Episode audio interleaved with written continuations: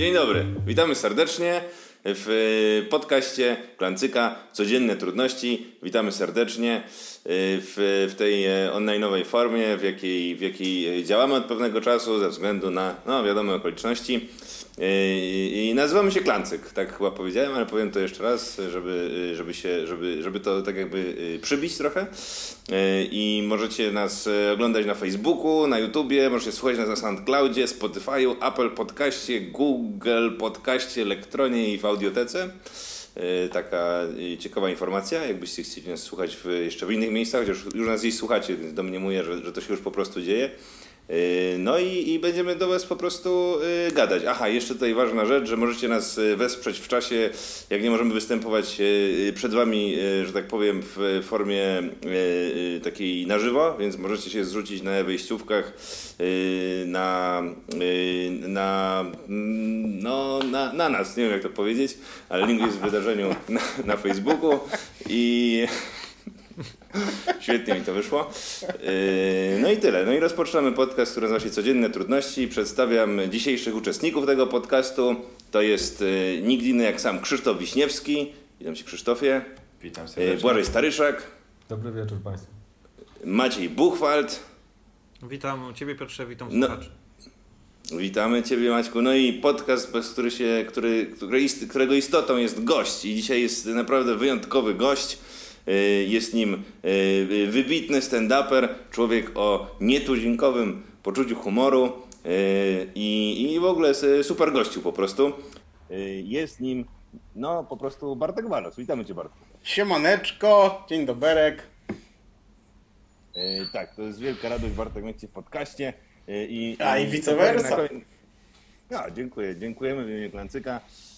No i, i Yy, zapytałem Bartka, jaki ostatni nagrał materiał yy, i powiedział, że są dzienniki pizzowe, jest to ostatni i jedyny nagrany materiał Bartka, także tym bardziej go obczajcie. Co powinien powiedzieć pewnie na końcu, ale z drugiej strony, czemu nie powiedzieć tego na początku? Powiemy to i tu, i tu po prostu. Zresztą i ja, i ja i Maciek Buchwald byliśmy podczas nagrywania tego y, materiału obecnie. A to prawda. Myślę, że na pewno możecie podzielić się anegdotami z nagrywania tego materiału. To o, jest ich sporo. Niemniej, niemniej e, No Bartku, jest tłuściutkie e, zero anegdot wokół tego, tej całej nagrywki. A, to podsumowali ten temat. E, Bartku, otwieramy nasz podcast pytaniem do gościa. To jest trochę tradycja. Nazywamy się Codzienne Trudności w tej, w tej edycji i właśnie o to Cię zapytamy. O Twoje codzienne trudności, których w obecnej sytuacji podejrzewam jest dużo więcej niż na co dzień, a z drugiej strony nie ma ich w ogóle, bo nic się nie dzieje. Jakie są Twoje codzienne trudności? Yy, rozumiem, że w, tym, w tej całej pandemicznej atmosferze. Nie, nie znaczy w ogóle. W obu sytuacjach. I, i, I teraz to, co spotykacie na co dzień y, w, w, w pandemii, ale też y, na co dzień, poza, poza życiem. No to może ja powiem troszeczkę przekornie, bo... życiem. E, na świecie i w zaświatach, no wiadomo. E, wiecie co, e, ciekawe jest to, że ja właściwie nie borykam się z jakimiś strasznymi problemami. Siedzenie na Hawirce mam dosyć wyćwiczone, więc... Ale przyznam się szczerze, że bardzo tęsknię za spotykaniem się z ludźmi. To jest już taka rzecz, że już zaczynam mieć powoli dosyć tego, że jestem skazany na własne towarzystwo. Chociaż jest to wykwintne towarzystwo, nie czarujmy się. Ale mimo wszystko fajnie by było jakąś zmianę wprowadzić. E, no nie wiem, e, mam wrażenie, że za dużo żera ostatnimi czasy i stwierdziłem, że zacznę robić pompki. To jest w ogóle e, taki mój pomysł na siebie i zmianę swojego wizerunku jakąś drastyczną. I muszę wam powiedzieć, że jak za pierwszym razem zrobiłem 10 pompek, bo sobie obiecałem, że będę robił 10 pompek codziennie, to Mam wrażenie, że dostałem zakwasów od razu. W sensie wiecie, zazwyczaj to jest tak, że zakwasy przychodzą, trzeba na nie odrobinę poczekać, to ja miałem coś takiego, że nie mogłem się za bardzo podnieść po tych 10 pompkach. I e, no to, to, to, to, jest, to było dosyć wyczynowe zadanie dla mnie. Ale jest coraz lepiej, bo to już jest czwarty dzień robienia pompek i jest, jest gitara. Już podnoszę się na luzaczku. A z czasów przed pandemią miałeś coś takiego, co dla innych ludzi byłoby zwyczajne, i zupełnie sprawiające Ci trudności, a, a dla Ciebie to było jakieś coś, czego najbardziej na świecie nie znosisz. Nasi goście mówili o takich rzeczach jak e, wiązanie butów, odkurzanie, odkurzanie okay. e, dzwonienie do ludzi, No to jest rzeczywiście straszne dzwonienie do ludzi. No, E. zdziwiłbyś się, jest wielu ludzi, którzy nienawidzą dzwonić. Naprawdę? W naszym gronie To prawda. takich osób. A to ciekawe jest bardzo. Ja na przykład właśnie z takich codziennych czynności, powiedzmy około higieniczno-porządkowych, to muszę się przyznać, że yy, jestem strasznym bałaganiarzem, więc jakby sprzątanie to nie jest moje największe hobby, ale yy, nienawidzę na przykład prasować. To jest dla mnie rzecz, yy, której chyba się nigdy nie nauczę. Yy, mam wrażenie, że, że prasowanie mnie przerasta po prostu i nie wiem dlaczego tak jest. E, I też nie za bardzo potrafię to wytłumaczyć, ale z takich rzeczy, które mam wrażenie dla ludzi są jakby totalną codziennością i nie, jakby nikomu nie sprawiają trudności, to, e, a mi, ja natomiast nie wyobrażam sobie w sumie robienia tego teraz, to jest takie konwencjonalne chodzenie do pracy, bo ja już od bardzo, bardzo długiego czasu e, mam pracę zdalną e, i no nie czarujmy się, to jest praca, która nie wymaga ode mnie za dużo aktywności. I dlatego po prostu teraz jak wyobrażam sobie sytuację, że nie wiem, że wyleją mnie na zbity pysk, co kiedyś pewnie nastąpi, to ja sobie trochę nie wyobrażam chodzenia do biura. Nie, jakby nie wiem, czy będę potrafił się przyzwyczaić do tego. Bo właściwie wiecie, ja- jakby to nie jest tak, że ja mam 9 to 5 job, tylko ja tak naprawdę ją wykonuję, kiedy mi się podoba. A jaki I- aspekt w tym chodzeniu do biura byłby najtrudniejszy? To, że trzeba się rano zebrać i być tam na jakąś godzinę, czy to, że cały czas spędzasz czas Przede wszystkim- są dookoła? Przede wszystkim wstawanie o konkretnej godzinie, to trochę jest... Mimo tego, że potrafię mieć tak, że na przykład przez dwa tygodnie wstaję o mniej więcej podobnej godzinie, to trochę nie wyobrażam sobie, żebym miał narzucone, że to musi być cały czas. E, Nie wiem, parę lat temu jakby pracowałem normalnie w, e, takim, w takiej przestrzeni biurowej i udawało mi się, no może nie tam, że 100% przypadków po prostu budzenia się, ale jednak w 90% udawało mi się trafić do tego biura na odpowiednią godzinę. Ale teraz się tak od tego odzwyczaiłem i nie potrafię sobie tego wyobrazić po prostu. Że w sensie w, pracę wyobrażam sobie w tym momencie tak, że mam coś do zrobienia, mam deadline, ale robię to kiedy chcę. Albo Okej. Robię to kiedy chcę i nie mam deadline'u. To już jest w ogóle ekstra. Czyli tak naprawdę zostało to stworzone, ta sytuacja pandemiczna to sprawiła, że wszyscy dostosowali się do twojego trybu pracy de facto. Nie, ale nie do końca, bo jednak w innych pracach, nawet zdalnych, myślę, że ludzie mają deadline'y, a z tego, co, Ale co on Bartek te- Oni muszą, On ma Muszą ten się- on go robi w dowolnym momencie. Ale, ale z tego, co teraz Bartek mówi, z czego mi opowiadał wielokrotnie, to naprawdę ta jego praca jest jakimś totalnym cudem, ponieważ Proszę, on proszę, autentycznie... ja proszę tylko nie spoilerować, co to jest za Nie, robota, nie, bo nie, ja nie chcę, żeby mówię, to, jak, jest. bo to jest trochę w takich mitologicznych kategoriach, ona już powoli zaczyna być. Ale, ale z tego, co on mówi, to rzeczywiście nic tam za bardzo nie musi robić, nikt go za bardzo nie ściga, a dostaje za to spoko pieniądze. To jest, to jest 100% prawdy i nawet ostatnio zacząłem y, sobie jajcować, że to nie jest tak, że ja jestem przez tą firmę, która mnie zatrudnia, zatrudniony, tylko ona mnie po prostu utrzymuje. Bo Okej. naprawdę to może, to może parę osób wkurwić, ale przez ostatnie dwa tygodnie pracowałem może z 80 minut. Czyli to jest taka idealna sytuacja, że firma jest jak rodzina. Że Ale- wszystko wybacza. No jakby utrzymuje cię, no i toleruje cię takim, jakim jesteś i nie oczekuje od ciebie więcej. Taka idealna rodzina, która akceptuje cię w pełni.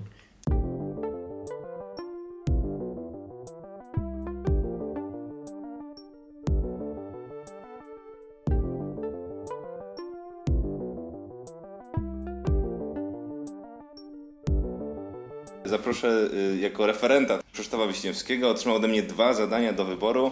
Y, No, chyba wybrał bezpieczniejszy temat, tak mi się wydaje, w którym czuję się pewnie, ale jako uchylę rąbka tajemnicy, że pytaniem, z którego zrezygnował, było pięć postaci historycznych, z którymi wybrałby się na spacer do Lasu Kabackiego. Nie wybrał tego tematu, a w zamian wybrał Krzysztofie jaki temat? E, uznałem, że będę opowiadał trochę o tym, o jakby zasadach, które powinny pomagać e, rodzicom w czasie pandemii, czyli jakby, którymi możemy się kierować jako, e, jako rodzice w tych trudnych e, zamknięcia szkół, przedszkoli. W ogóle e, stanął, stanęliśmy my jako rodzice przed nowym dylematem, czy posłać dzieci do otwieranych przedszkoli i potencjalnie otwieranych szkół od razu, czy zaczekać, co się wydarzy, więc jakby to te, też Dokładnie. będzie niełatwe, to będziemy zrobić. I, i, i, i, właśnie o to się poproszę Krzysztofie, byś, byś, byś nam o tym powiedział. Dodam, że Krzysztof y, jest we frakcji rodziców w Klancyku, która Tak. na ten moment przynajmniej posiada dwóch przedstawicieli w postaci Błażeja i Krzysztofa. Y, I to jest bardzo wysoka, bardzo silna frakcja i wysoka pozycja, dlatego też zawsze z wielkim szacunkiem zadaję te pytania i z ciekawością. Krzysztofie, jak to jest na froncie rodzicielstwa i jakie rady byś dał rodzicom? E, Przede wszystkim jakby nie odpuszczajcie.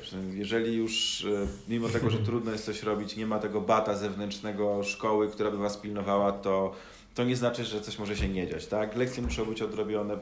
Pamiętajcie, że jak dostaniecie maila ze szkoły i są tam zadania dodatkowe, to one są po to, żeby je zrobić. One są dodatkowe tylko z nazwy. One są dodatkowe, które sprawdzać, czy jesteś miękkim rodzicem, czy jesteś prawdziwym rodzicem, ok? To to jest ta podstawowa rzecz, która odróżnia jakby nas od siebie. Czyli pierwsza rzecz, zasada to jest nie odpuszczać. Druga zasada to nie wybaczaj. W sensie łatwo jest y, doprowadzić do takiej sytuacji, w której na przykład uznasz, że oj, należy być miękkim dla dzieci, ponieważ są trudne czasy, one są cały zamknięte w domu, nie wychodzą na zewnątrz. Nie, to jest właśnie ten moment, w którym musisz najbardziej przykuwać uwagę do najdrobniejszych szczegółów, które mogą zrobić źle, żeby im to wytknąć. W sensie to jest ten dokładnie moment. Jak wyleją e, mleko na przykład, co mi się zdarzało wcześniej, to wkurwić się należy dopiero teraz. W sensie to wtedy to, to mogłeś się nie denerwować. Teraz jest ten moment, kiedy kiedy należy się y, przejmować rzeczami. I teraz bardzo ważna trzecia zasada, ona dotyczy nas mo, może w jakiś sposób najbardziej, czyli że nie odpuszczaj sobie. W sensie, jeżeli nie robisz czegoś jako rodzic, to znaczy, jesteś słaby i nie zasługujesz na to miano. I należy tego, tego pilnować, czyli nie odpuszczać dzieciom, e, zwracać uwagę jak naj, na, na jak najdrobniejsze szczegóły i po trzecie, jakby jeżeli kiedyś nie byłeś doskonałym rodzicem, to teraz wreszcie masz czas, przebywając 24 godziny, 7 dni w tygodniu swoimi dziećmi przez dwa miesiące, to to jest ten moment, kiedy możesz pokazać, że jesteś doskonały. Tylko A jakby jeśli natura daje ktoś nie jest doskonały i uważa, że naprawdę nie, nie spełnia się w roli doskonałego rodzica, to czy powinien sam na siebie donieść y, opiece społecznej? Czy, czy Y, niekoniecznie? Myślę, że myślę, że to jakby nie ma, nie ma wyjścia. W sensie teraz już, teraz taki, nie widzisz, to by była ucieczka. W sensie to jest właśnie łatwe, że Tak, możemy tak, tak, oddać odpowiedzialność żeby- nad żeby dzieckiem. oddać dzie- oddać nie, nie, nie, to nie jest tak. W sensie to jest brzemię i odpowiedzialność, ok? Skoro nie jesteś doskonały, no to oczywiście masz czas w nocach, żeby się biczować, ale w ciągu dnia cały czas musisz zmierzać do doskonałości nie ma jakby wyjścia, żeby to robić inaczej. Więc nie odpuszczamy, robimy to na maksa, co zrobić jakby ja nie, nie widzę, jak można postępować inaczej. Ale uważasz, że te wytyczne będą obowiązywać tylko do czasu e, właśnie lockdownu, czy potem przez całe wakacje również? Jak przedłużamy to i to jest the new normal i, i tak już będziemy po prostu żyli. Ja myślę, ja myślę, że to jest. y, Tak już będzie. W sensie, po pierwsze, to, ta, to się nie skończy, w sensie ta, ta pandemia dopiero się zaczyna. No tak. Tym pamiętajmy, że to jest tylko COVID-19, prawda? Jeszcze jest COVID-20, COVID-21, 22, 23 Tak. i tak dalej, i tak dalej. a jakie, jakie są Wasze wspomnienia z COVID-18? W sensie, czy on się skończył? Ja, ja, swo, ja swoją COVID-18 miałem w bardzo fajnym klubie.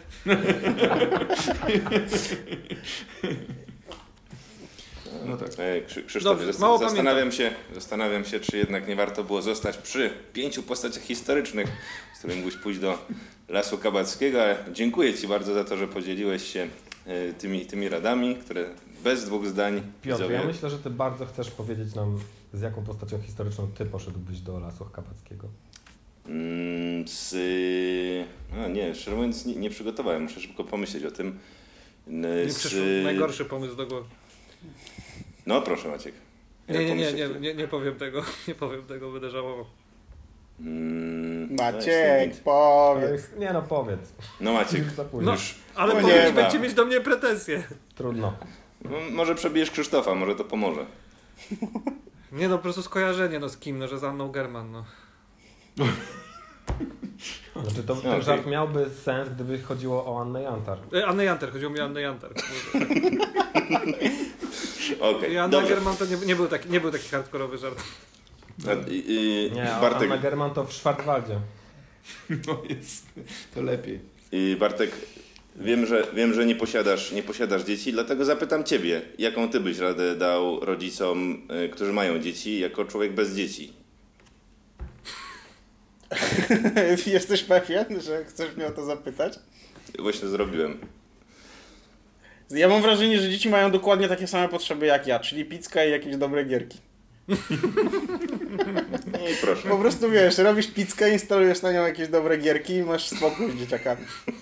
Ale Nie, no, jeżeli, jeżeli mogę powiedzieć, bo to jest, e, to jest ważne, co powiedział e, Bart, bo generalnie ja oczywiście trochę żartowałem z tymi moimi trzema zasadami, ale prawda jest taka, że my jakby musimy po prostu w tych trudnych czasach wszyscy, nie tylko nad siebie z dziećmi, ale w ogóle mam wrażenie, po prostu szanować to, co chcą robić inni też i mieć dla siebie takie dużo ciepła i takiego zrozumienia. Zupełnie tych- co innego wynikało z twoich to- zasad. Plus to jest rzecz, którą bardzo łatwo wytłumaczyć dzieciom.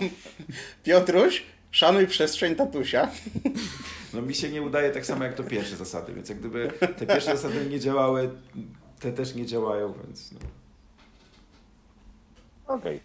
Pizka i gierki. To jest rada Bartka Walosa, rada Krzysztofa. Bądź okrutny. Yy, dla wszystkich. Jest różnica między byciem wymagającym a byciem okrutnym, moim zdaniem. Dokładnie. Ale wy tego nie rozumiecie, bo jesteście bezdzietni po prostu.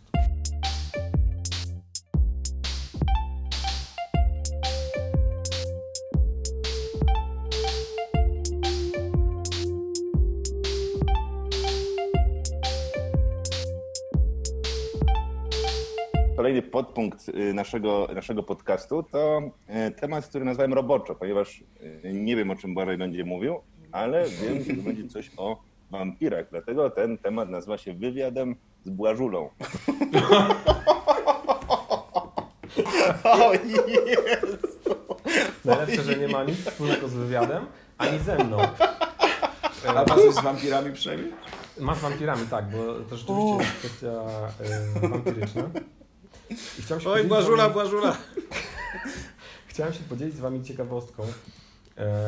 Zacznę od początku. I to jest trochę e, informacja do naszego kącika kulturalnego z poprzednich e, odcinków, kiedy polecamy sobie różne rzeczy. Ja odkryłem nowy podcast, który nazywa się e, We Have Concerns i występuje tam dwóch. Komentatorów. Nie, właśnie żaden z nich nie jest wampirem. Jeden, ja tak naprawdę trafiłem tam przez to, że e, jednym współgospodarzem tego podcastu jest Anthony Carboni, który jest, e, którego ja znam e, ze Star Wars Show. To jest taki, taka internetowa seria filmowana przez Lucasfilm, jakby oficjalny internetowy magazyn dla fanów Gwiezdnych Wojen który służbowo oglądam, ale też z, dużą, z dużą sympatią, bo koleś i jego też współprowadząca mają bardzo fajną chemię i są bardzo zabawni przy tym wszystkim i traktują Gwiezdne Wojny, myślę, z dużą dozą, em, razem z scenarzystami tego, tego serialu, z dużą dozą em, dystansu, który myślę, że jest potrzebny. Em, I Anthony Carboni e, mnie zainteresował jako osoba. Okazało się, że on również improwizuje, co, e, co było też jakoś tam nie- nie- niebagatelne, mm, dlatego że zacząłem słuchać, czym także się zajmuje. Okazało się, że od kilku lat prowadził taki podcast, który właśnie reaktywował, w którym razem ze swoim znajomym e, dyskutują o ciekawostkach, e, e, które dotyczą różnych dziedzin nauki i nauk ścisłych i społecznych. I w różnych odcinkach o różnych ciekawostkach się, się dowiedziałem. Oni mówią o, o tym w bardzo lekki, przystępny sposób. Natomiast ta historia, którą słyszałem, e, która dotyczy wampirów, jest moim zdaniem fascynująca. I wyobraźcie sobie, że książka Dracula e, Brama Stokera, czyli taki trochę no, podstawowa powieść. e, Pierwsza część tak? wampiryzmu. Tak, pierwsza, pierwsza część Błażuli, dokładnie. E, Z końca XIX wieku. Bardzo szybko doczekała się islandzkiego przekładu. Już jeszcze chyba w, pod koniec XIX wieku, parę lat po, po pierwszym wydaniu. I nie tak dawno temu ktoś zrobił przekład z tego islandzkiego przykładu z powrotem na angielski i odkryto, że ta książka jest gigantycznie różna od oryginału. Do tego stopnia, że są w niej nowe postacie, e, jest dużo więcej, e, jest dużo bardziej e, takim romansem erotycznym, jest dużo więcej seksu, jest zupełnie inna liczba scen, jest, takie, jest podobno bardzo fajniejszym, takim dynamiczniejszym stylem opisana e, i to mnie bardzo zaciekawiło, jak e, badacze zaczęli się zgłębiać, dlaczego tak skąd te różnice? Okazało się, że y, ten tłumacz kontaktował Forever. się też z, ze Stokerem, z autorem oryginału. Ale czyli był przekazał mu- stokerem stokera? Był, sta, był sta, Stokerem Stokera i on przekazał mu mm, swoje, autor przekazał mu swoje mm, notatki, które, mm, które tworzył myśląc o tej fabule. E, Również jakieś takie niewykorzystane koncepty i tak dalej. I ten tłumacz postanowił je wykorzystać. I e, patrząc na to z perspektywy dzisiejszej e, kultury popularnej, to trochę jest tak, jakby, jakby taki, to był taki pierwszy, pierwsza wersja reżyserska niemalże. Czyli książka w takiej wersji, w jakiej być może autor chciał ją zrobić, ale, ale z, no, z powodów różnych ograniczeń tego nie zrobił. No wydawało mi się to ciekawe, ale potem pomyślałem sobie, że tych wampirów jest tak dużo w kulturze popularnej, e, a ja jakby, rozró- jakby wiem, czym jest wampir i e, jakby doskonale czytam, nie wiem czy doskonale, ale dosyć dobrze czytam te, te wszystkie konteksty kulturowe. Natomiast nie czytałem tej książki, nie wiedziałem wywiadu z wampirem, nie wiedziałem Drakuli, Francisa Forda Coppoli, nie wiedziałem czystej krwi, nie wiedziałem zmierzchu, yy, jakby nie, wiem, nie, nie wiedziałem niczego o wampirach nigdy w życiu. Nie widziałem Blade'a, Wiecznego Łowcy, yy, A hrabie Widziałem- kaczulę widziałeś? Właśnie tylko hrabie, jakby zacząłem myśleć o wampirach, znam tylko hrabiego kaczulę i, yy, i hrabiego, który liczy w ulicy Sezamkowej. I to jest moje... To jest Hrabiego Liczule. Właśnie. On tak Gościu się nazywał hrabie Liczula. Wspaniałe tłumaczenie zresztą. Tak, więc kaczula i liczula to, jest- to jest moje... I była żula. e, moje jedyne e, konteksty wampiryczne. Wydawało mi się to ciekawe, więc się z tym z Wami dzielę, ale też mogę Was zapytać o Wasze związki z wampirami oraz czy... E, co byście powiedzieli, gdyby się okazało, że Wasza twórczość e, w innym kraju okazuje się w zupełnie zmienionej formie i Wy o tym nie wiecie? No, y, czy Piotr, ty chcesz opowiedzieć o związku z jednym wampirem energetycznym? Na razie.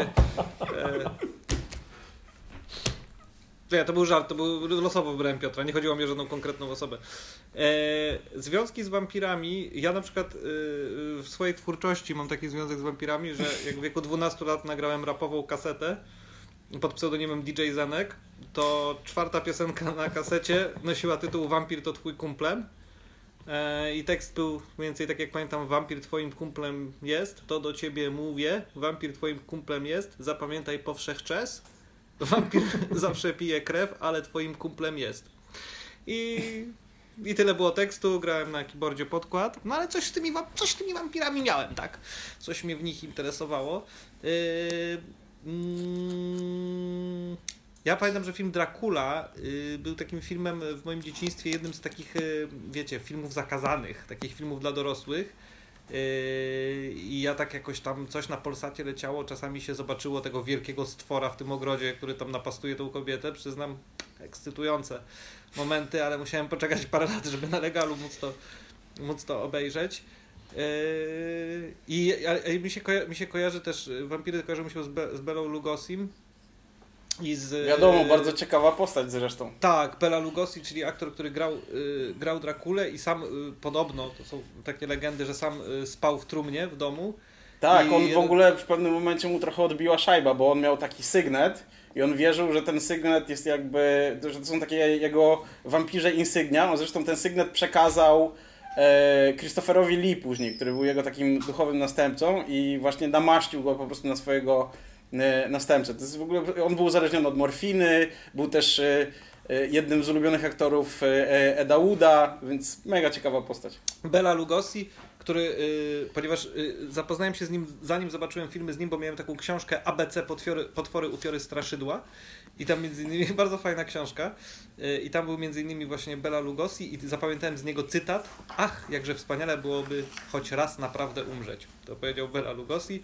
I drugi aktor, który wcielał się w rolę y, wampirów, którym się bardzo kojarzy z tym tematem, czyli oczywiście y, Klaus Kiński z słynną swoją twarzą jako Nosferatu. I był jeszcze jeden, ten starszy Nosferatu. Czy ty, Bart, pamiętasz? Maksymilian Tak. Schreck? Y, nie, nie pamiętam, to były lata 30. Tak, Tak, to, to, nazywał to, był niemiecki ekspresjonizm. Chyba tak. Tak mi się wydaje, że się nazywał Maksymilian Schreck, czy coś takiego. Von jeżeli mylę. Von, von? Coś takiego? Max von Schreck, coś takiego. Też- są, te- jest trzech Shreków, którzy mi, którzy mi się jebią. Jest właśnie ten gościu, jest Shreku ten zielony i jest jeszcze Shrek z y, Batmana Powraca, który był szefem Kobiety Kot. Nie wiem, czy pamiętacie, grał go ten. y, Christopher Walken. Walken. Mhm. Taka gnida straszna. Y, bardzo fajna postać zresztą. No ale Ja przerwałem mam- ci. Ja mam Proszę Krzysztofie. Bo ja mam tak, że wy o y, filmowych kontekstach, to ja w swoim czasie czytałem bardzo dużo y, właśnie książek wampirycznych, tylko że i, i moim y, jedną z takich ulubionych książek w liceum, znaczy ulubionych to słowo, Dobrze, dobrze, kochani. Anne Rice, czyli y, Wywiad z wampirem. I też właśnie... Dobrze, Bart, dużo, dokończ. y, Tych, tych klasyków czytałem, y, grałem w RPG, y, Wampir Maskarada. Grałeś w Wampira Maskaradę? U, to już ha, hardo. Krzysiu, to już Tak. hardo, naprawdę. Ale Tak. opowiedzcie coś, bo ja nie... Ja, Ja też nie mam pojęcia, o, co to jest. o tej grze. To jest taki system fabularny. Zresztą Krzychu, y, przejmij pałeczkę, bo myślę, że masz dużo więcej ciekawego do powiedzenia na ten temat. Nie, no to, to jest taki, to był jakby dla ludzi, którzy grają w RPG, no to sama mechanika gry jest taka sama jak przy, znaczy podobna jak w innych systemach, a świat jest po prostu właśnie takim mrocznym światem Ale wampirów. e, Możesz bardzo się wcielać w postać wampira? Czy Tak, i możesz też, ofiar? możesz też e, jakby pić krew ofiar i walczysz z wilkołakami i no tak, w sensie Tam to jest masa wojna. też różnych wampirzych klanów, no nie? Które Tak. tam mają jakąś swoją specyfikę. Tak, tak było. Tak było. Ale I to jest to była gra komputerowa, czy Nie, RPG? nie, Nie, nie, Ona taka papierowa. Papierowa, Okej. papierowa. Więc e, tak, ale to nie był jakiś mój ulubiony system, ale grałem w niego tak dużo. A przebierałeś się do tej gry? W sensie, to było takie, Taki- to był Taka sz- szczena z kaczera Donalda, wiesz, kieliszek z soczkiem porzeczkowym. Nie, ale, było, ale były to takie wkręty, były rzeczywiście niesamowite, jak się polowało na ofiary, żeby tam wypić bo generalnie chodziło to też o to, że, że jakby piło się krew, żeby nie zabić ofiary, bo to by wprowadziło na ciebie e, jakieś poszukiwania, więc trzeba było tam się ukrywać, no ale wszystko to było w wyobraźni jak to w RPG-u, więc mistrz gry powiedział, tak wrzuciłeś kogoś, tak udało ci się, jakby jest to tam, tam no To mnie zawsze wkurzało w RPG-ach, że, że na wielu mom... ja raz byłem chyba na takiej sesji gry, że, że o- są jakieś tam punkty i zasady, ale często to mistrz gry au- autorytarnie stwierdza, czy coś się wydało, czy coś się wydarzyło, czy nie. Wiesz, na wszystko, o niestety, złamał ci się kij, o, Znaczy, tutaj wiesz, wyskoczył trochę- nagle licho z lasu i wszystko przegrałeś. Nazwa, nazwa mistrz gry trochę definiuje jego rolę, więc jakby to jest. y, No on po prostu tak może. No. Ale ja już nie, da, bardzo dawno nie grałem żadnego RPG, nawet z Piotrem kiedyś żeśmy mówili, bo wiem, że Piotr też lubi y, RPG, ale co dał Warhammera. Z tego co Tak, pamiętam, tak. ty lubiłeś, to, to mówiliśmy, że, Absolutnie. że kiedyś zagramy. Więc y, takie są. Może ta chwila kiedyś nastąpi. A i, Ja teraz, i- ja ja- teraz ja- gram. Ja teraz to powiem tylko o RPGach jedną rzecz, że gram teraz w Wiedźmina na PlayStation i właśnie opowiadałem, odpowiadałem Bartowi, że no jakby ta gra jest super pod względem fabuły, klimatu i historyjek. Natomiast ja jako osoba niedoświadczona w RPGach po prostu dosyć mnie zamula to, że coś sobie tam zbieram, zbieram jakieś składniki rzemieślnicze, idę do kowala, wyrabiam se coś, inny przedmiot rozkładam na części po to, żeby kawałek drewna, który mi brakuje zrobić, robię sobie z tego jakiś pancerz, y, potem muszę wejść na 13 poziom, żeby go założyć, zakładam go i mam tak plus 0,3% do siły. Co? Na Ale stary, to jest cały- jeszcze Na tak- to był ten cały zachód. Pra, prawda jest taka, że wiesz, jak grasz wieśka, to to jest jeszcze bardzo casualowe doświadczenie, że naprawdę te takie najbardziej, wiesz, po prostu gigowskie RPG, to już byś się zamulił po prostu, jaki tam jest poziom gikozy, wiesz, i jakiegoś takiego śledzenia po prostu. Sta... Tam jest, kur... tam wjeżdża Excel po prostu w pewnym momencie, więc to już trochę przestaje Ja wiem, ja kiedyś, ja Tak, kiedyś no, dostałem, maksa. ja kiedyś dostałem grę, y, jak byłem jeszcze nastolatkiem, taką planszową, która nawet nie była RPG-iem, tylko była strategią. Jakaś taka bitwa ze statkami i patrzę, o fajne stateczki z żaglami. Tak zamontowałem i zacząłem czytać zasady. Tak, zacząłem- nie były okręty MB Parker. Nie, nie, nie, nie, to była, jest dobra, ha, ha, ha. I, i zrobi, zamontowałem te żagle i myślałem, że będzie super fan, po czym zacząłem czytać zasady, a wiecie, to była taka typowa strategia, gdzie pola były z takich, jak to się nazywa, y, heksagonów, w sensie takie jak plastry miodu, takie tam sześć, takie klasyczne takie pola i po prostu to, żeby zrozumieć, na jakiej zasadzie statek się porusza w ogóle w tym polu, a nie w tym, to było obliczanie kątów, pod jakim stoi, by- dokładałeś do liczby oczek jakiś kąt, jakąś ekierka tam była, jakieś kurcze ki, kile morskie razy, coś, i, w połowie instrukcji po prostu miałem już dosyć. Nie zagrałem w to nigdy. A jeszcze chciałem dorzucić, bo gadamy o tych wampirach, I ja przyznam szczerze, bo ja jakby to nie jest chyba tajemnicą dla moich znajomych, że ja jestem dosyć dużym Jesteś wampirem? Tak, że jestem wampirem. Jestem jedynym grubym wampirem. To jest w ogóle rzecz, której nie ma. Nie ma grubych wampirów. Nie da się spaść po prostu pijąc krewkę. To jest No w bo ogóle... krew jest, z tego wynika bardzo jakby lekkostrawna, no w sensie. Tak jest. W, wiesz, dobrze się jakoś rozkłada. W każdym razie właśnie ja jestem dosyć dużym fanem y, kina grozy i ja pamiętam właśnie y, wampirami się za- za- zajarałem jak jako dziecko, zacząłem oglądać te filmy Universala, wiecie, bo Universal miał te swoje y, potwory i tam były, tam, tam był Frankenstein, Wilkołak, Mumia, y, którą grał Boris Karloff, zresztą Boris Karloff gr- grał tam Frankensteina chyba, potem Właśnie, tam... jeszcze Boris Karloff też, no, na maksa. Znaczy, W ogóle jakby y, w, z tych takich, z tego potwornego y, okresu kina wyszło dużo bardzo takich y, aktorów charakterystycznych. Był właśnie Bela Lugosi, Karloff, y, był jeszcze ten gość Lon Chaney, Lon Chaney i Lon Chaney Jr. To był gość, który grał chyba upiora w operze i on y, też jakby, to, to byli goście, którzy byli świetnymi aktorami, oni zawsze byli ukryci po prostu pod toną charakteryzacji. I potem były te, y, było odświeżenie tego kina gatunkowego przez tą wytwórnię Hammer brytyjską, gdzie to się zrobiło takie trochę bardziej ponure i właśnie tam wypłynął Christopher Lee jako Dracula, który w sumie chyba jest moim ulubionym mm, odtwórcą roli Draculo, Drakuli. To jest zresztą fajna postać, bo w pewnym momencie to było tak, że to była jakaś tam e, alegoria jakiejś takiej rozpusty, no nie, jakichś takich zwierzęcych instynktów po prostu, wiecie, Dracula był takim amantem, a potem się z tego zrobiła jakaś taka totalnie gówniana emo jazda, no nie? Wjechał zmierzch i po prostu wampiry z dnia na dzień stały się do dupy, stały się Ale, największym ale moim zdaniem była jeszcze No. pośrednia, pośrednia stacja, że, że właśnie najpierw ta witalność i to, co mówisz, te instynkty, ale też w pewnym Dracula stał się takim, taką tragiczną postacią. E, tego, zawsze był może tragiczną um- postacią, Tak, zawsze nie był może postacią umrzeć, romantyczną, nie? No tak, tak, zawsze ten, ale że, że jakby to zaczęło też dominować, że tacy właśnie smutni, smutni starzy, smutny stary książę mroczny, który tak naprawdę nie, nie może, chciałby odejść, ale nie może. Ale też Teraz właśnie... jest Transylwania. Yy, to Dobra, gdzie, dobra, gdzie Drakulą jest Adam Sandler. Poczekaj, ja, bo ja muszę coś powiedzieć, jedną rzecz, bo zapomnieliśmy Dobrze, o bardzo ważnej rzeczy, że Drakulę też grał Leslie Nielsen, moi drodzy, nie Tak. zapominajmy. Dracula, wampiry bez zębów i tam jest piękna scena, jak właśnie, bo zawsze jest, zawsze jest tak, że Dracula lewituje, jak się do ciebie zbliża. Tam jest taka scena, że Leslie sobie lewituje i nagle wypierdala się i spada ze schodów, wstaje, tak się otrzepuje szybko i mówi Dzieci nocy strasznie srają. Bo się okazało, że na guano się po prostu pośliznął biedaczysko. Stary, no, co, co Okej, chcesz, to jest film Mela że to jest doskonała puenta tematu o wampirach. Teraz przechodzimy do segmentu Myślę, ten temat jest bo- i jego tekst. Ojej, tyle cytatów. ja Najbardziej, ale to wspaniały człowiek. To ja, Ten to ja powiem tylko, się nie pojawił w trakcie rozmowy o problemach rodziców w czasie kwartetu. to ja, ja tylko podam jeden Leslie cytat z jego Nielsena, który jest, który jest mój ukochany. Powiedział do przeciwnika, twoje kłamstwa są jak banany, pojawiają się w żółtych naręczach. Ale to znowu, to jest tłumaczenie, a jaki był oryginał tego? Właśnie. Nie wiem niestety, ale Czy mam to jest, taki, czy to jest szklanką po łapkach?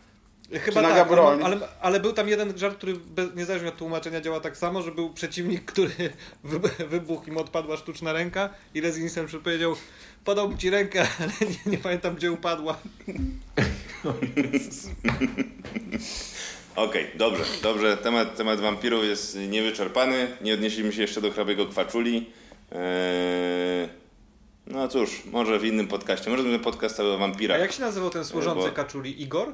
Igor, Igor, tak, to zawsze Igor, jest Igor. Igor no. i, i, I niania. Jak się nazywała? A, niania, Igor i niania. Najsp... Najwspanialsza, najwspanialsza bajka. ketchup? On jadł ketchup. Tak, bo Tak, on, bo on trakcie- odmawiał trakcie- picia krwi, więc on jechał na keczupie. Ale też, też w w samym, Tak, e, w, samym Ja od razu intro chciałem powiedzieć, że jest to dieta, którą na maksa szanuję. dieta keczupowa.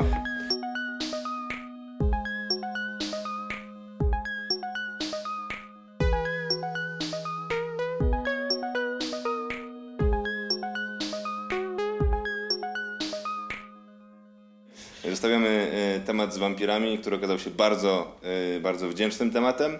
I e, drogi Barcie, e, to jest e, moment w, podcaście Codzienne Trudności, kiedy od, oddajemy pytanie Tobie i Ty zadajesz pytanie nam. E, Wiem, Ojej, że, to że ja nie wiedziałem, że przygotowałeś tak to jakieś działa. pytanie dla nas. Aha, podobno zostałeś poinformowany, a jeśli nie, to zostałeś poinformowany teraz. Możesz Tak się chwilę właśnie- pomyśleć tak się i po prostu. Ale to jest takie pytanie, pytanie- do każdego z osobna, czy Nie, pytanie... jak chcesz, Trochę jak chcesz. Ale chyba y, biorąc pod uwagę czas, może lepiej, żebyśmy mieli jakiś wspólny temat do przedyskutowania.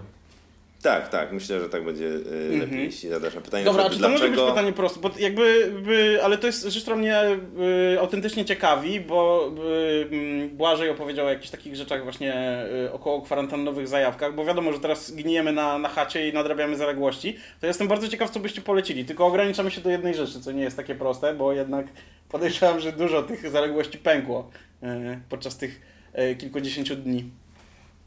Ale jakaś taka jedna rzecz, którą odkopali, y, y, zebrali, zdjęliście z kubki wstydu nareszcie na przykład. Bo ja na przykład, nie wiem, nadrobiłem nareszcie, obejrzałem od deski do deski Neon Genesis Evangelion. Nie wiem, czy kojarzycie, to jest takie dosyć słynne anime. Y, No bardzo, bardzo fajna rzecz, polecam, ale nie będę się, nie będę się y, rozwodził na ten temat, bo jestem dużo bardziej ciekaw, y, co wy polecacie. Myśmy, myśmy trochę polecali w kąciku kulturalnym, więc ja, żeby nie chcieć się powtórzyć, bo nie pamiętam, co polecałem ostatnio, to powiem coś, czego na pewno nie poleciłem, bo oglądałem to wczoraj i to nie jest do końca coś, co polecam, że jest super, ale jest bardzo ciekawe do obczajenia, ponieważ mamy ze znajomymi taki DKF online, w którym sobie oglądamy filmy i Mhm. mój kolega e, zaprezentował nam film Primer, nie wiem, czy jest Ci znany. I Tak, oglądałem ten film. To jest o podróży w czasie, bardzo, bardzo fajny film. Duży spoiler, Bart, ale, ale tak. Nie, Jest to- nie, nieprawda, jest to- nieprawda. Jest to, film, nie, jest, to, jest, to film, który, jest to film, który dostał y, y, wielką nagrodę jury w Cannes, a jest to totalnie y, jakby y, DIY-owy film, bo jego reżyser, Mhm. jednocześnie reżyser, aktor, operator, dźwiękowiec, montażysta zrobił ten film za 7 tysięcy dolarów, więc w ogóle za jakąś śmieszną kwotę.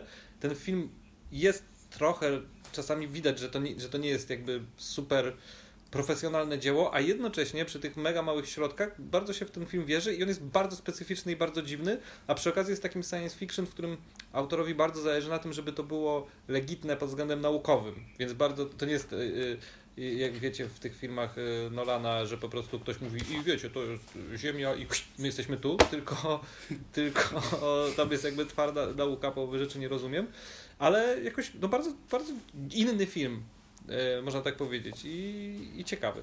Także film Primer bym polecił. Podpisuję się pod tą rekomendacją. To jest super film.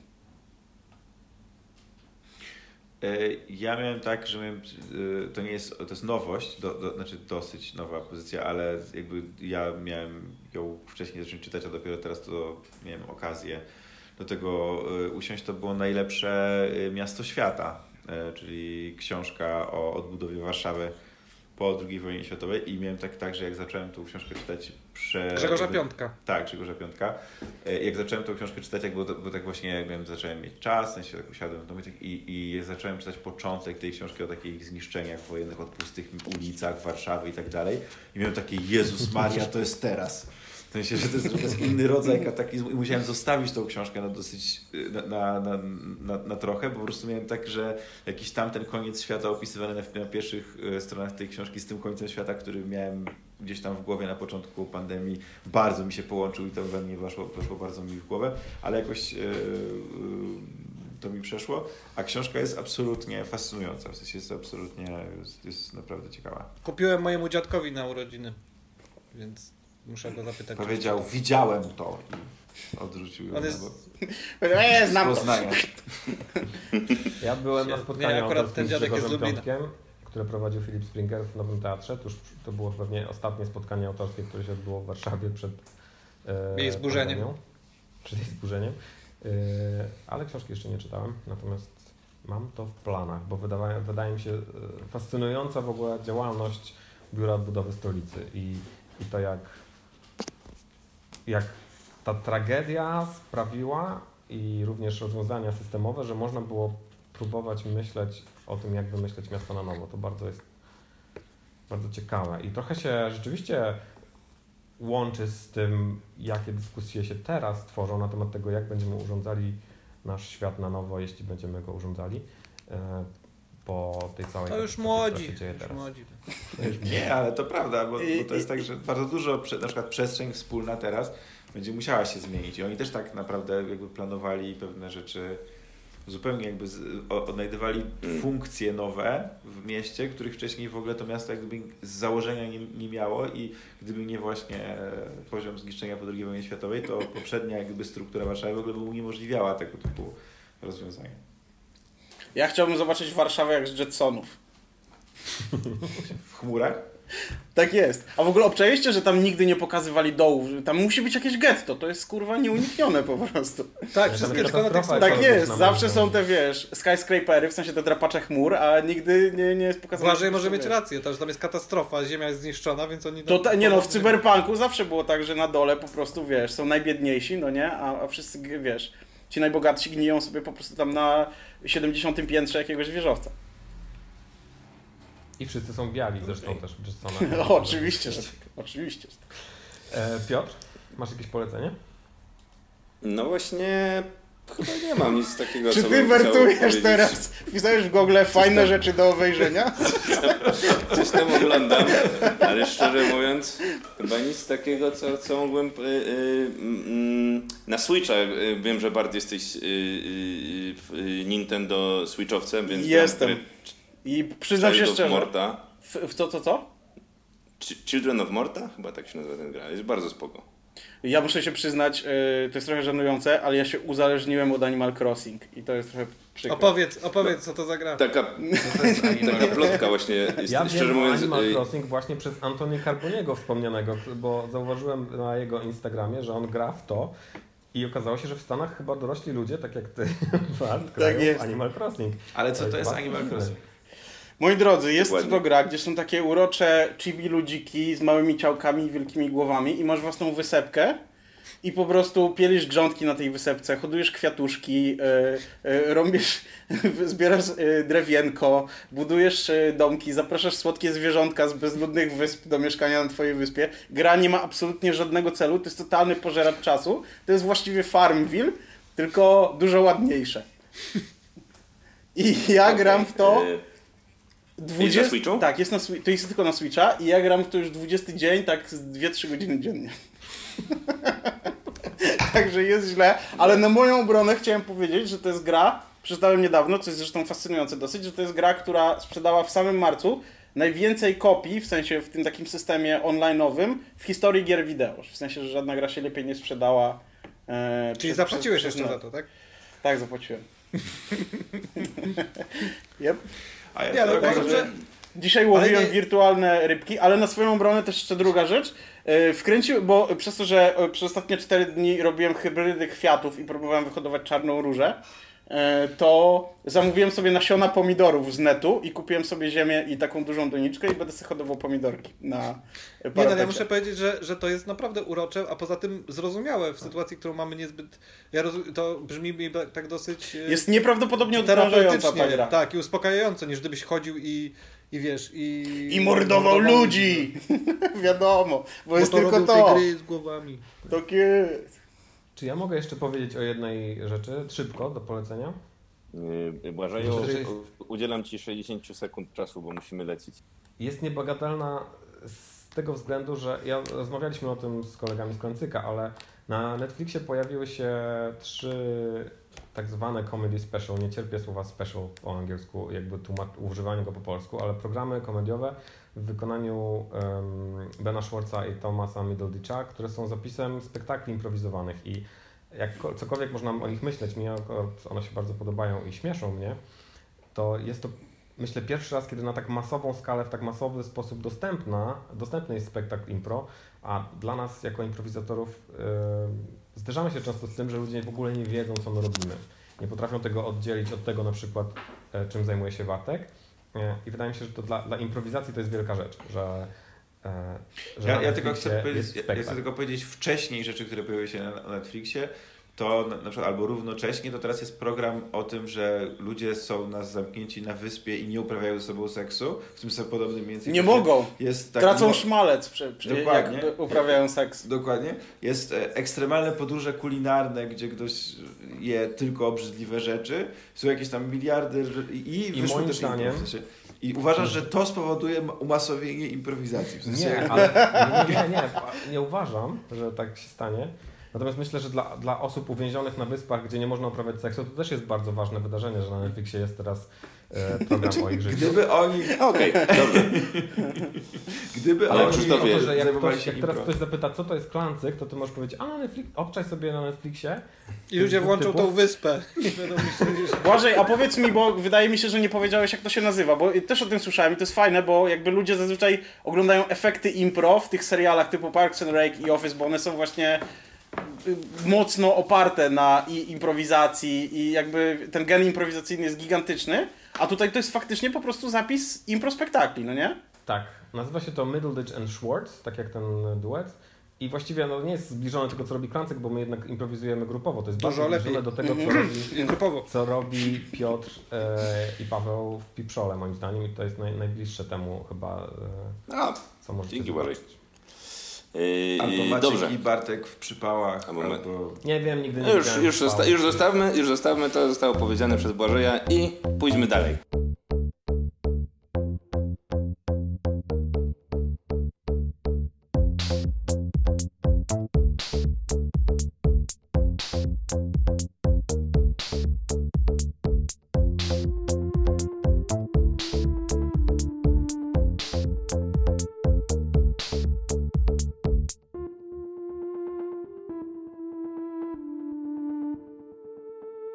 Maciek. Maciek jest y, y, niespodzianką, ponieważ wcześniej y, udzieliłem, zdałem dwa zadania do wyboru każdemu i potem większość osób mi odpisała, które zadanie wybrała. Znaczy tak naprawdę tylko Krzysztof, bo Błażej miał sw- swoje, to nie jest ważne, ale Maciek nie powiedział mi, które zadanie wybrał. Maciek, jakie pierwsze, zanim powiesz, które wybrałeś, przypomnij, jakie zadanie dostałeś. To ty przypomnij, bo nie wyboru. pamiętam jakie było to, które odrzuciłem. No.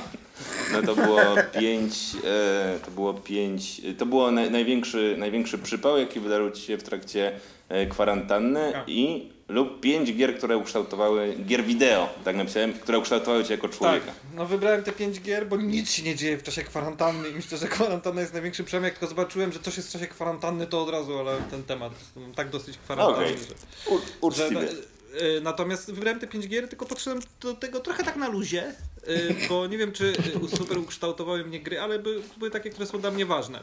I trochę nagiąłem to pytanie, ponieważ gier jest y, realnie siedem, ale w dwóch punktach to są jakby, na jednym punkcie są dwie gry. I na przykład jeden taki punkt, oczywiście, i muszę mieć to szybko za sobą, musimy szybko przejść przez jęki Barta i jego kpiny, czyli FIFA, która jest jakby dla mnie najważniejszą. To nie jest gra! No właśnie, to nie jest gra. No jest to gra, jest to gra, ja zawsze Jestem lubiłem... z Bartem. Ja w ogóle zawsze... Ty jesteś z Bartem? No, ale spoko jest FIFA, lubię ją, ale, ale bez przesady, no, w sensie, no nie powiem, że to, to jest... to chyba nie pogramy już, Piotr. E, Gdyby powiedzieć... Maciek, nie gramy w FIFA. Kiedy ostatni raz graliśmy w FIFA? No, no, Maciek ma ligę, Maciek nie gra teraz z nikim, bo Maciek gra tylko w ligę. I bardzo w niej przegrywam, więc dlatego nie gram. Nie dlatego, że w niej gram, tylko dlatego, w że mam dosyć jest taki FIFA. tryb, e, że możesz robić skandale korupcyjne, czy nie- niekoniecznie? Okej, to jest ta pauza, gdzie wkleimy Eee. ten... W FIFA jest jeden tryb i nazywa się zamułka. Dobra, y, więc ja nie, chcę tylko powiedzieć, że no to wszystkie. W ogóle bardzo lubiłem gry sportowe, również te, sta, e, również te z igrzyskami, na przykład tak dalej, zręcznościówki, no ale FIFA jest jakby najważniejsza. Ale, żeby trochę zrobić ukłon właśnie w stronę Barta i gier, które nie są sportowe stricte, to bardzo lubiłem grę Gol 3 na Pegasusa, która miała z piłką nożną tyle wspólnego, że byli tam piłkarze, ale to wszystko było w klimacie anime japońskiego i na przykład e, jak strzelał strzelali zawodnicy drużyny Argentyny, to piłka w trakcie zamieniała się w lwa, który wbiegał do bramki. Jak tam strzelali Niemcy, to w jakąś taką no nie chcę powiedzieć bombę, ale coś takiego, to jakiś taki pocisk. Jak tam byli yy, Brazylijczycy, to jakaś taka ryba płynęła. To było tak durne, ale bardzo śmieszne. To była Bardzo pirania. Pirania, okej. Ale Afryka Eee. to miała dosyć kiepską tą specjalną piłkę. Bo z tego co pamiętam to był banan niestety.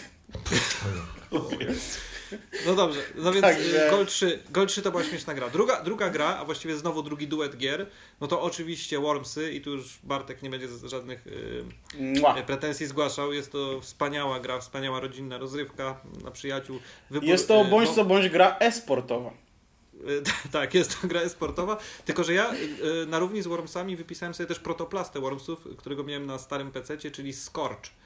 Y, O, Scorch y, to była gierka, która miała ten sam pomysł co Wormsy. Zresztą Wormsy podejrzewam, że, że trochę ten Tak, pomysł tak, tak. z niej, Mhm. bo były dwa czołgi, prostu takie bardzo prymitywne graficznie i wybierało się również bronie, bo na przykład zwykły pocisk, y, pocisk taki nóg, który rozwalał Funky Bomb, jedna z moich ulubionych, która robiła takie wokół tego i był, była ziemia, która się zapadała, te, te czołgi się tam zapadały. Yy, oprócz tego, że były bronie, to właśnie można było też na przykład użyć kopacza, żeby się przekopać, miały spadochrony, czyli w sumie wszystko to, co później jakoś ewoluowało w różne śmieszne bronie w Wormsach, było już w skorczu. I oczywiście yy, bardzo pocisk to zostawiał za sobą takie linie i był taki dźwięk yy, do tego. Jezu, to, były, to były czołgi, to były czołgi, które sobie strzelały, prawda? Tak, czołgi, czołgi. Pamiętam tę grę, teraz nie, tytułu nie kojarzyłem. Super, to była świetna Earth, gra, Scorch prawda. Earth, dokładna nazwa była Scorch Tak. Earth. Więc to są To- to, o smaczki. Boże. E, Wormsy to jest punkt drugi. Punkt trzeci gier mojego życia to oczywiście Lemingi. Hmm. Gra tak rewelacyjna, e, z tak super pomysłem e, i też znowu różne funkcje, kopacz, e, bloker, budowniczy mostów. Ja, Wszyscy, y, wszyscy y, powyżej 30 pamiętają ten gest. Albo ten.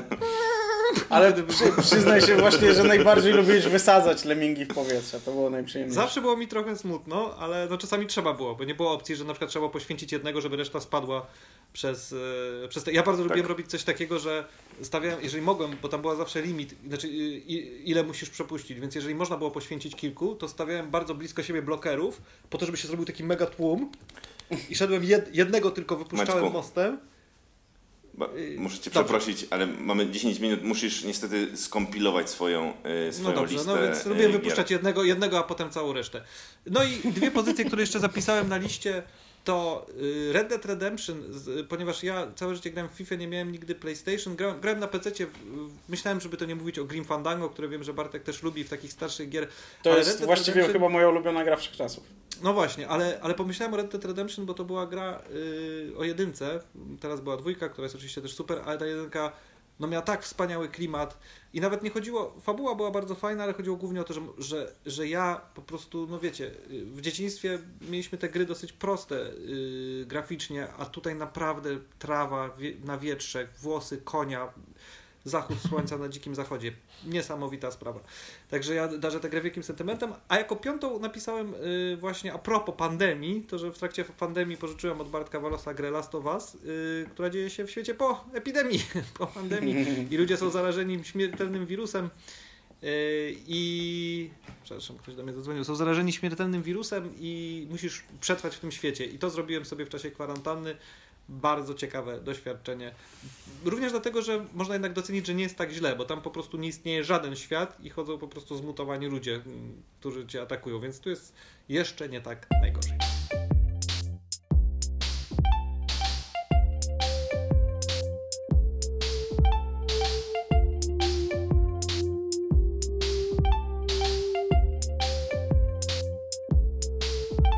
Ponieważ Błażej jest...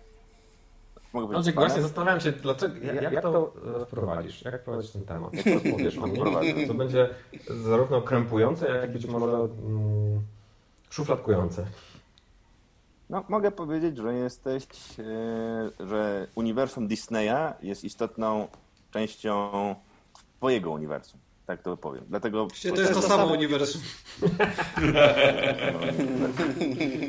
Jest, Można tak jest powiedzieć. tym dużo racji, co powiedziałeś. Tak, i, i, i, wiedz, i wiedząc to, i również teraz już słuchacze o tym wiedzą, y, postanowiłem zadać Ci pytanie odnośnie Walta Disneya, ponieważ, i co również Ty mi, ty mi to uzmysłowiłeś, że, że historia z Waltem Disneyem, który podobno y, się zahibernował, jest nieprawdziwa. To znaczy on po prostu On żyje po prostu.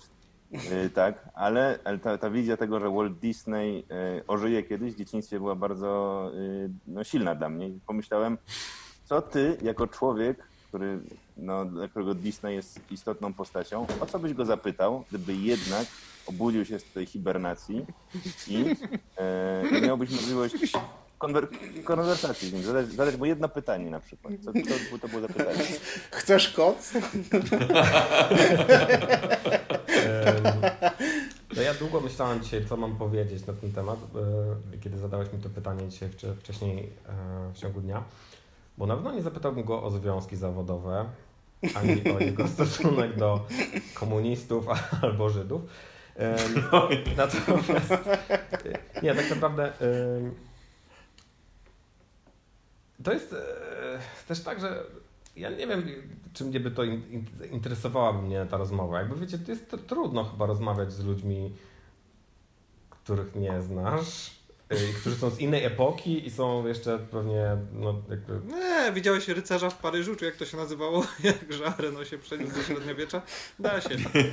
Da się. Goście, goście. Ja, ja bym zapytał Goście, goście. może o to, mm, mało osób o tym wie, mm, że Walt Disney y, absolutnie nie znosił filmu 101 Dalmatyńczyków. Uważał go za kompletną, kompletnie nieudany film. A to ciekawe, dlaczego? No bo nie zrobili tego płaszcza. Nie udało się. Wiecie, no w latach 60. Walt już się właściwie nie zajmował w ogóle filmami animowanymi. On No, wtedy- nie znacie się, ale jednak Walt, a nie Pan Disney. Tam podpisane payslipy jego nazwiskiem, więc jakby jesteśmy, jesteśmy blisko na ty. On wtedy zajmował się kinem aktorskim w dużej mierze, e, parkami, oczywiście telewizją, a zresztą sam nigdy nie reżyserował filmów animowanych, więc żaden z filmów Disneya animowanych nie jest, e, nie wyszedł spod jego ręki. A e, Dalmatyńczyki, które w, w 61 roku, zdaje się? Nie, może trochę później. Nie, w 61 chyba e, weszły do kin. Były pierwszym filmem, e, który dział się współcześnie. Więc ta historia nie była... W Londynie, no nie? Tak. E, film się dzieje w Londynie. E, A to a Piotruś Pan też siedział przecież. jazzową tu. muzykę. A nie, Nie, nie. Nie, dobra, to jest- jest tak, to jest 19, historyzujący dobra. zupełnie, a poza Mhm. tym sztuka jest z XIX wieku, więc Tak, tak, tak, 19 końcówki. wieku.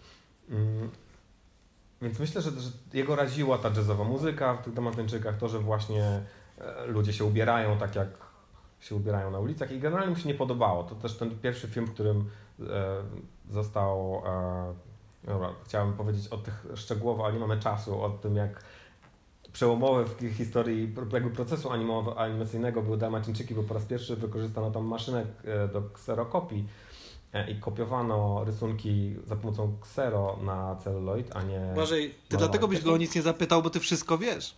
Tak. Nie, ale w sensie zapytałbym go właśnie, być może, może starałbym się go przekonać do Dalmatyńczyków, bo ja uważam, że to jest znakomity film, który się świetnie, e, że nie zestarzał się w ogóle, świetnie wytrzymał próbę czasu, ma, jest fantastycznie narysowany, jest to fajna historia i my, chciałbym o tym z nim może podyskutować. O. Ja się z Tobą totalnie zgadzam co do Dalmatyńczyków. Ja też też uważam, że to jest jeden bardzo. z bardziej niedocenionych filmów Disneya. I on ma naprawdę, jakby w odróżnieniu od większości filmów Disneya, jakby on bardzo odstaje swoją kreską, w sensie y, na plus. I e, ja umówiłem się z Piotrem, że zadam Tobie, Bartek, to pytanie jako naszemu gościowi. Czy masz takiego, taką osobę, takiego twórcę, który nie żyje, a którego chciałby się coś zapytać? Eee... kto strzelał, ziomuś? Kto strzelał? Nie no, na pewno. Ojej, kurczę, ale to jest takie pytanie, nad którym musiałbym się zastanowić. Eee, uu, hu, hu, hu. Mm, to jest dobre pytanie. Szkoda, że nie wiedziałem o nim wcześniej. Panowie. Nie, ale to pytanie, nie, to, py, to pytanie było, to pytanie... To pytanie jest nie- spontaniczne. Tak, yy, było No nie przygotowane. musi być, nie musi być najważniejsze. Jak masz kilka takich osób, no to powiedz sobie jedno Mhm. i tyle. Znaczy, no. y, ktoś się na pewno znajdzie, ale właśnie teraz mam jakąś totalną pustkę w bani. Eee...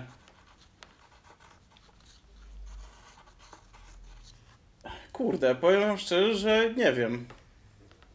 Tak na, na gorąco. Salvador To Dali. może nikt masz nie kogoś, przy- kto jest zahibernowany. Możecie, możecie nie? mi kogoś, bo jak, e, e, jest tu parę osób, które mnie całkiem nieźle znają, może mi kogoś podsuną. No to ja, by, tak, ja że- pomyślałem, że Salvador Dali.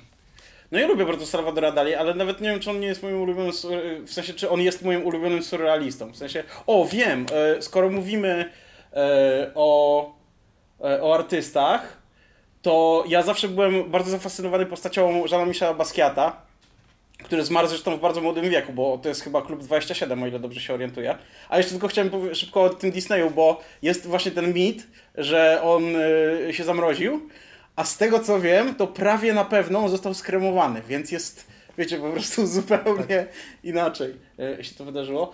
E, y, no nie wiem, znaczy Basquiat jest taką postacią, która zawsze mnie fascynowała, bo to był koleś, który po prostu był, wiecie, w takim y, trochę u- ulicznym po prostu graficiarzem i on był absolutnie przekonany o swojej, on miał jakieś nieprawdopodobne ego I on tak mocno uwierzył w swój sukces, przy okazji był też nieprawdopodobnie zdolny, że on w pewnym momencie był, kurde, jakąś super gwiazdą w, w czasach, gdzie artyści dopiero żyjący, dopiero jakby pierwszy raz w historii dorabiali się statusu supergwiazd, no nie? Bo zazwyczaj, Czyli ziomek, wiecie, Chciałbyś go zapytać, że jak to jest, kiedy jesteś super utalentowany i przeświadczony, że jesteś Ziomek- super ziomek, jak, jak- jak odnieść sukces? jak się odbić, wiesz, z kartonu na salony, no nie?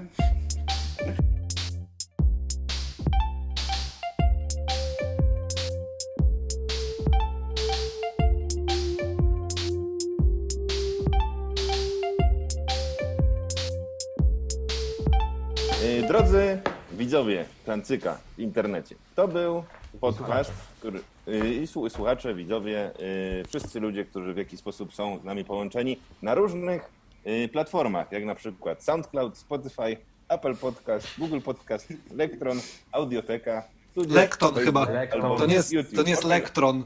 Piotrze, Lekton, a drugi raz powiedziałeś Ale możemy założyć lektrona i będzie to takie...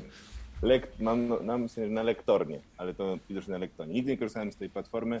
Y, przepraszam y, za. Polecamy ją, polecamy spróbować. Tak, pozdrawiamy bardzo audiotekę, która jest właścicielem Lektona.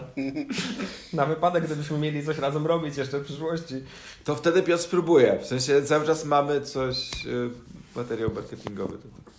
Okej, tak. Yy, yy, przepraszam za wszystkie tutaj yy, pomyłki yy, i, yy, dziękuję przede wszystkim yy, wyjątkowemu człowiekowi, yy, który nas odwiedził. To jest Bartek Walos. To ja dziękuję, bardzo, bardzo było sympatycznie. Dziękuję tak, bardzo. I, zachęcamy do obejrzenia. Jeśli znacie Bartka, to wiecie, że jest e, naprawdę niesamowitym komikiem, a jeśli nie, to koniecznie obczajcie. Ale jest spora szansa, że mnie nie znaczy jednak. I- Jeśli, jeśli lubicie humor, humor Klancyka, to na pewno gwarantuję wam, że polubicie humor Bartka. O, bardzo dziękuję. Była wielka przyjemność Bart gościć Cię na naszym podcaście. Nasze podcasty będą się odbywały e, cyklicznie, e, więc e, zapraszamy na kolejne, kolejne edycje. Krzysztof Wiśniewski, Błażej Staryszak, Maciej Buchwald. Ja jestem Piotrek Sikora i super fajnie było dla Was pogadać. Mam nadzieję, że Wam się podobało. Trzymajcie się. Pa! Trzymajcie się, papa. Pa.